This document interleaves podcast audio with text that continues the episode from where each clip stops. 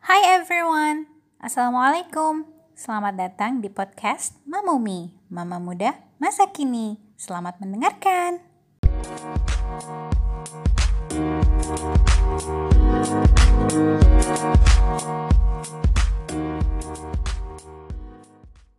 Aku tuh akhir-akhir ini ya di rumah itu agak galau soalnya skincare aku tuh nggak cocok semua.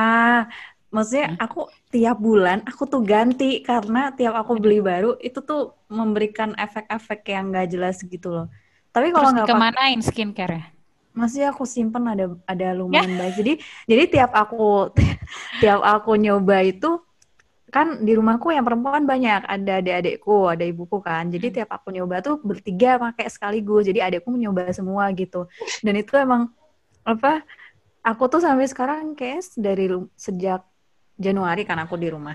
Sampai sekarang tuh kayak kesulitan gitu loh. Aku nggak tahu karena emang cuacanya gimana atau apa gitu.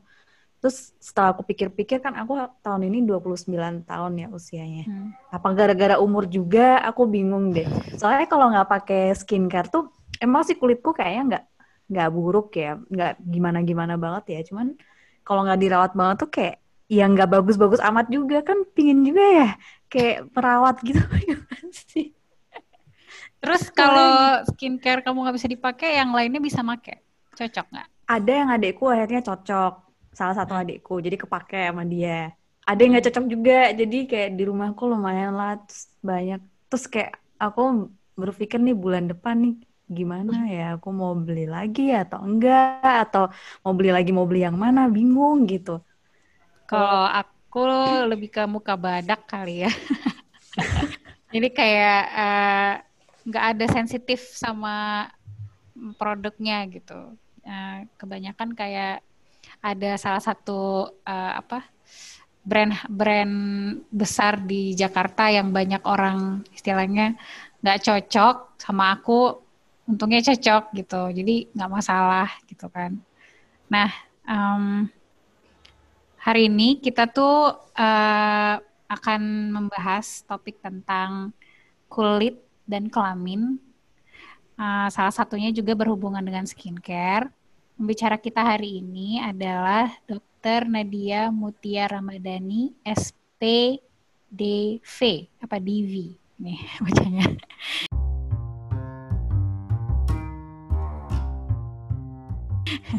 Nah, beliau lulusan dari spesialis kulit dan kelamin, eh, lulusan FK dari Undip, dua-duanya lulusan dari Undip.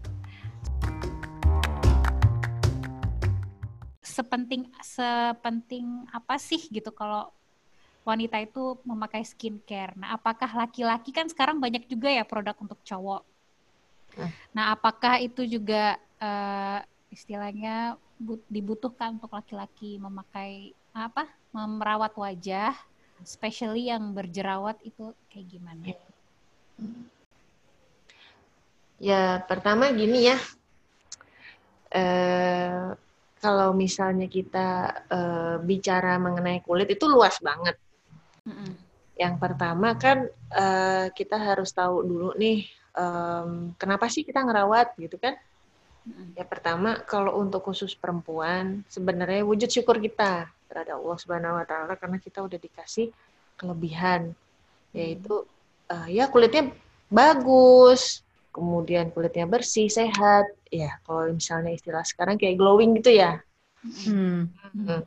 Nah, itu juga nanti kaitannya skincare itu harus dipilih lagi dengan tipe kulitnya. Nggak semua dijadiin jadi satu gitu. Jadi kita harus selektif dulu. Kita harus tahu misalnya kita punya kulitnya yang cenderung sensitif, apa kulitnya kering, atau kulitnya normal, atau kulitnya kombinasi. Itu kita harus tahu dulu itu. Dari beberapa tipe itu nanti kita bisa memilih regimen skincare yang bagus, yang sesuai sama kulit kita. Biasanya sih kalau misalnya untuk kulit normal sendiri, ya kan? Kalau kulit normal, kalau kayak usia kita sekitar usia ya dari sebenarnya sih dari usia produktif dari 18 tahun sampai ya cenderung ke 40 tahun. Nah, Oh, dari 18 tahun udah mulai udah atas mulai pakai. ya udah lebih ini lagi harus sudah lebih ketat lagi uh, regimen skincare ya. Biasanya kalau misalnya dari usia puber sampai usia di bawah 35 itu masih oke okay lah kita uh, memilih uh, tipe skincare sesuai dengan kebutuhan jenis kulit. Kayak misalnya kulitnya kering. Misalnya kulitnya kering itu kalau misalnya gimana sih taunya kulitnya kering gitu kan? Hmm. Nah, kalau misalnya kalian habis um, cuci muka kelihatan keset atau ketarik atau hmm. kering banget. Kalau misalnya kita apa oh, uh, pegang dengan kulit itu eh, apa dengan tangan itu kerasanya kasar kalau hmm. kering itu. So, kalau hmm. misalnya uh, seperti itu sih biasanya kita memilihkan uh, skincare yang memang khusus buat yang kulit kering itu biasanya sih kandungannya. Nah, kandungannya itu kan banyak. Pelembab tuh kan macam-macam. Misalnya kalian harus memakai pelembab ya pelembabnya apa dulu? Hmm. Nggak semua sama juga. Gitu. Jadi kayak ada pelembabnya yang khusus untuk menutupi atau mengcover barrier kulitnya.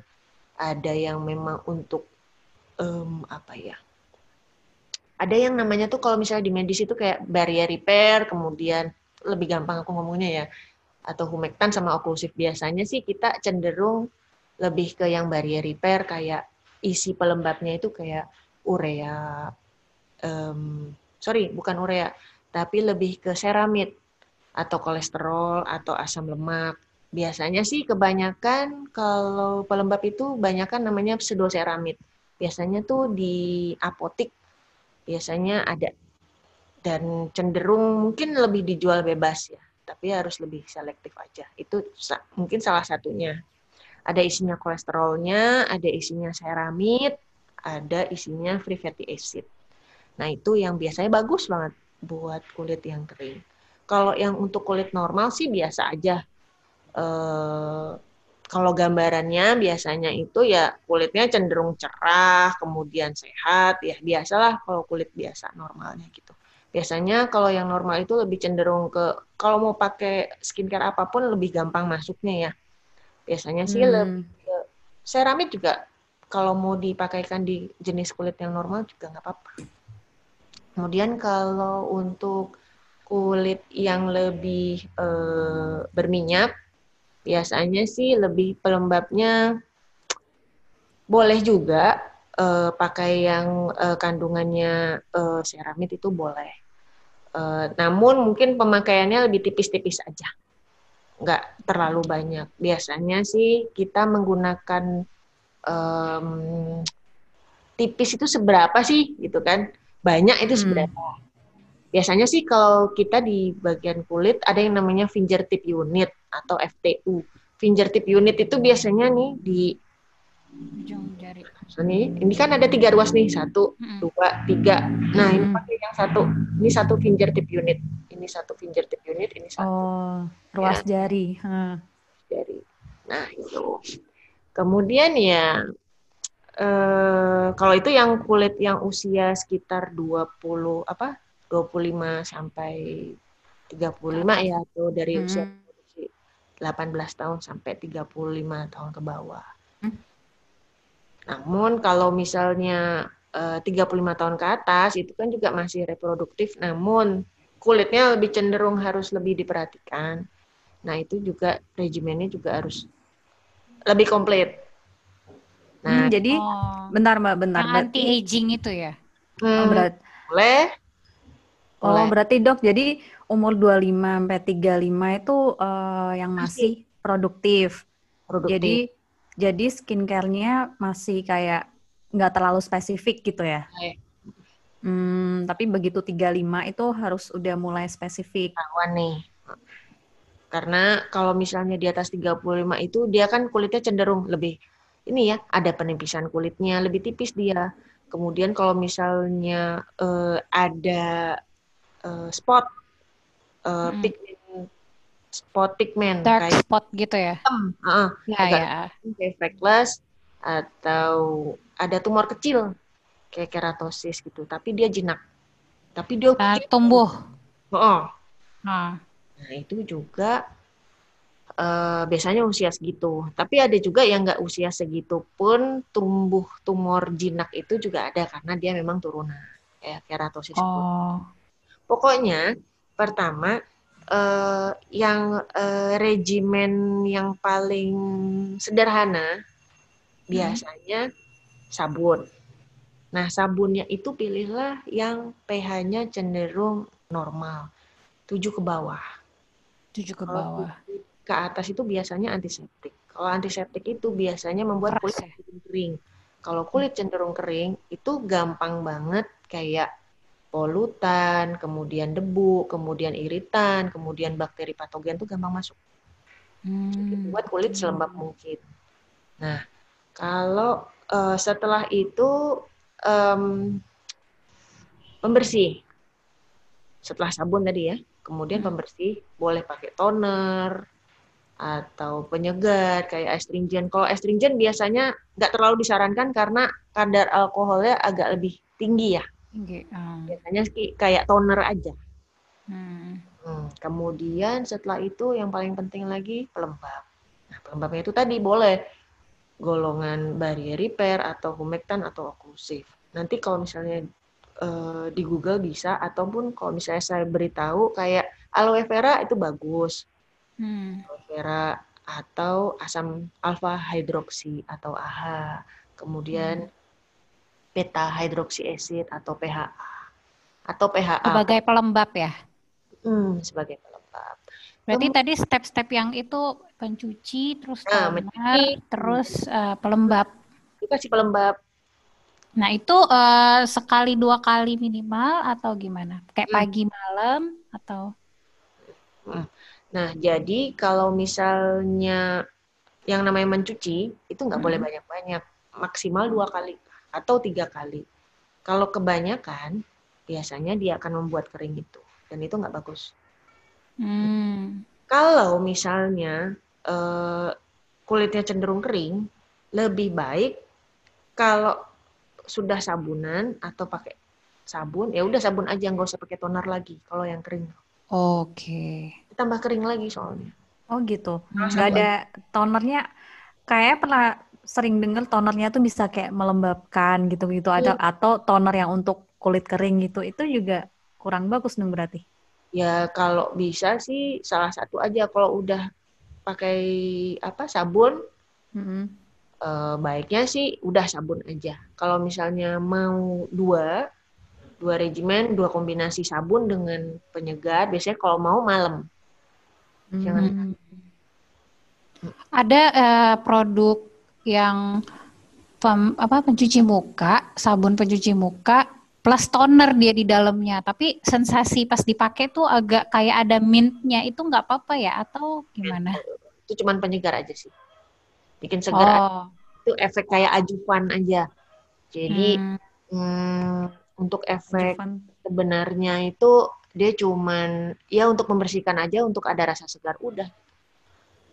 Oh, Tapi gitu. sebenarnya itu berarti ada tonernya apa enggak? Dia kan sekalian gitu loh di, dibilangnya. kayak akan menimbulkan efek rasa segar aja.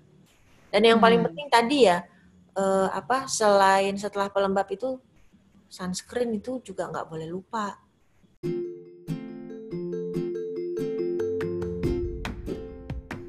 Hmm. Sunscreen itu eh, macem-macem kan. Kalau sekarang tuh kan produk banyak yang dijual Hmm. di pasaran. Hmm. Hmm. Lebih baik kalian milihnya kalau untuk kombinasi eh, kena sinar mataharinya itu kan dari UVA, UVB gitu ya. Kalau Hmm. UVC kayaknya enggak karena dia cepet udah langsung hilang aja. Hmm. Biasanya sih kalian pakainya yang fisik, sunscreen fisik eh, itu biasanya kayak dalamnya itu, ini aku kasih tahu, jadi kayak ada titanium dioxide, ada zinc oxide, em, kemudian ada derivat benzofenon gitu-gitu, kemudian paba, ada tulisan pabanya di ingredientsnya itu, para amino benzoic acid itu bagus, dia. Hmm. Nah itu kan eh, ada yang dia cuman jual sunscreen doang, ada pelembab yang udah ada sunscreennya. Nah, kalau pelembab yang udah ada sunscreennya uh, itu udah cukup atau misalnya dipakai lagi uh, sunscreen doang plus pelembab yang ada sunscreen itu uh, terlalu too much kebanyakan atau nggak apa-apa? Tergantung dari konsentrasinya si sunscreen ya sih dari tiap produk itu. Oh jadi Kalau mbak, jadi bagus, ya? Jadi, oh, jadi kalau ini mending sih satu-satu ya. Biasanya kalau yang kombinasi itu kerjanya nggak maksimal oh, karena campur-campur ya. Hmm. Ini ini dok berarti kan tadi rejim yang minimum di, sebaiknya dilakukan Apa kan tadi? tiga, uh, uh, eh sabun, pembersih, pelembab plus sunscreen. Pelembab, sunscreen tuh. Oh itu, itu udah yang minimal pokoknya ya? itu udah yang pokok. Oh basic ya. Hmm. Jadi kalau emang efeknya nggak pakai sunscreen tuh beneran kalau sering kena matahari jadi ada dark spotnya gitu ya? Uh, itu kalau yang dark spot itu bener nggak karena uh, cak matahari? Katanya karena jarang ya? pakai apa namanya? Jarang pakai U, SPF. Uh, ya SPF gitu, bener ya? Mm-mm. Jadi kita kan sebenarnya preventif kalau misalnya menggunakan sunblock itu jangan sampai uh, kita kalau misalnya keluar kepapar sama sinar matahari, apalagi kalau kecenderungannya lama. Nah, itu harus pakai karena tak yang ditakutkan sebenarnya sih foto aging, ya kulitnya jadi lebih menua. Satu. Oh. Yang kedua, hmm, ya memang jauh sih sebenarnya. Bisa memicu keganasan juga. Cancer. Yang uh, cancer kulit itu ya? Hmm. Kan ada tulisannya SPF tuh. Ya. Di pelembabnya itu kan kayak SPF-nya ada 15, 20, ya. 30, 50, 50 gitu. ya. Nah, itu kalian selektif juga sih sebenarnya. Dari angka-angka itu misalnya gini. Ada yang kulitnya putih, ada yang kulitnya hitam. Hmm. Kalau misalnya yang kulitnya putih itu cenderung lebih cepat tanning dia. Uh, yeah. 20 menit aja udah merah, misalkan. Hmm. Kalau misalnya yang kulitnya hitam, biasanya lebih lama merahnya. Nah, dari situ kalau misalnya kita pakainya SPF-nya 30 dikali hmm. aja 30 SPF kali 20 menit jadi 600. 600-nya itu adalah 600 menit kalian tercover dari mataharinya. Oh, oke. Okay. Oh, gitu. Jadi habis itu oles lagi oles. dong ya. Oh, oke. Okay. Baru tahu. Hmm. kalau kalau kan ada dua yang... PF sekian, PA sekian. Kalau PA sebenarnya sih hmm, uh, lebih cenderung ke SPF-nya sih. Kalau PA tuh karena udah ada SPF-nya juga yang lebih bekerja sebenarnya SPF-nya. PA-nya itu ya cuman ini aja sih, ya tambahan supaya lebih bagus. Berarti uh, kalau perbedaan dark dark skin sama yang light skin tadi itu eh, nggak uh, masalah ya SPF-nya mau berapa juga sama aja gitu. Yang penting Cuma dia ya cuma covernya berapa hitungannya itu aja sih waktu berapa ya paling waktunya doang. Tapi berarti, uh, berarti memang penting ya untuk yang dark uh, dark skin pun pakai uh, ini ya. Juga pakai harusnya. Hmm. Jadi nah, kita tuh ngelihatnya angka SPF-nya berapa gitu yang kita lihat hmm. tuh itu ya. Oh, Tapi ya, kalau ya. misalnya kalian kena air, dioles lagi ya.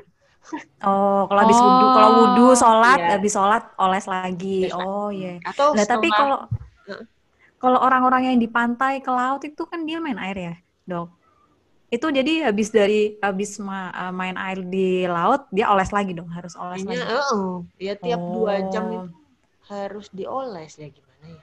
Kan ada yang spray, ada yang kalau yang spray dia tuh nggak terlalu putih tuh. Yang yang aku ada ada dua uh, apa sunscreen doang tuh yang buat olahraga yang buat ada berenang. Yang Nah, kalau yang oles tuh emang bener-bener putih Lihat. banget dia lengket banget gitu. Nah, kalau yang spray itu dia uh, emang nggak keluar warna gitu kan. Tuh, Tapi SPF-nya sama. lebih bagus yang krim. Yang mana? Oh, yang krim ya? Oh, ya, bagusan yang krim. Hmm. Makanya yang krim aja. Makin klinyit itu ya udah makin aman. Klinyit hmm. itu apa? Klinyit itu makin lengket, makin oh. kayak tebel di muka itu.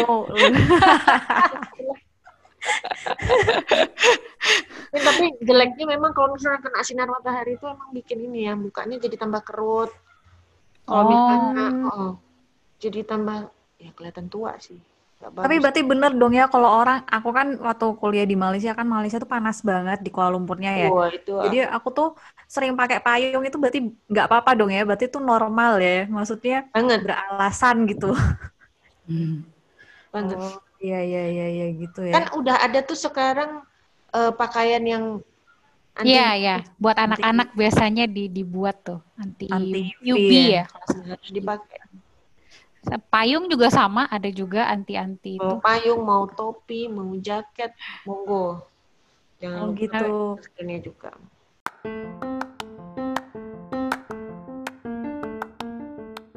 Terus itu eh, sunscreen itu dipakai sebelum atau setelah pelembab?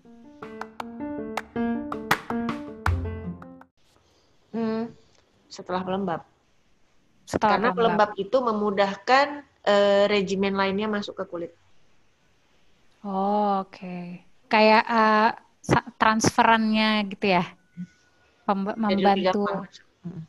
Hmm, oke. Itu dok kalau kalau jenis kulitnya tuh ada yang namanya kombinasi, bener nggak sih? Bener. Jadi Soalnya- kombinasi itu ya Kan kayak kayak kayak aku nih dok kan aku tuh kayak cenderung kering soalnya emang sering banget sampai yang mengelupas-ngelupas merah-merah gitu kan. Tapi kadang kalau pas lagi di Semarang di rumah kadang-kadang tuh jadi berminyak di bagian T-zone ya bawah mata ini jadi Betul. berminyak gitu. Tapi bagian pipi kering. Itu bisa kayak gitu ya? bisa. Jadi kulit itu eh, kulit kombinasi itu juga ada banyak. Ada kering berminyak, ada kering normal. Kayak misalnya keringnya itu cuma di pipi, tapi yang berminyaknya kayak di dahi, kemudian dagu sama hidung. Sininya normal, Mm-mm. kulitnya biasa atau sebaliknya. Biasanya sih seperti itu. Atau dia juga tergantung dari misalnya kita lagi dalam posisi hamil atau kelembapan udaranya nggak nggak bagus ya. Itu juga eh, apa namanya? ada kaitannya juga sih sama kulitnya kita. Jadi lebih kering ataupun lebih berminyak ataupun kombinasi. Jadi cuaca ngaruh juga Hormon ya? ya. Banget. Hormon Cuaca, juga. hormon. Oh gitu. Terus kalau yang kombinasi gitu gimana dong pakai perawatannya kan harus beda-beda dong dong berarti. Yang buat pipi gimana gitu nggak sih atau gimana sih perawatannya gitu? Ya itu karena semuanya kombinasi, nggak cuma dari wajahnya aja, tapi dari suhu juga ya, dari kelembapan juga. Hmm. Sebenarnya kalau itu sih nggak masalah. Langsung pakai regimen empat prinsip tadi aja, udah cukup. Oh gitu. Karena kan kalau berminyak juga nggak banyak, cuma daerah tertentu aja. Mm-mm. Nggak sampai ini. Terus kalau eh, perbedaan skincare yang beli eh, di toko sama kalau ada skincare yang dari dokter itu gimana? Oh, Ada ketergantungan nggak? Kan biasanya kalau yang pakai obat jerawat tuh, Hmm. kalau kita udah beli yang dari dokter, itu jadi ketergantungan dia nggak bisa lepas gitu.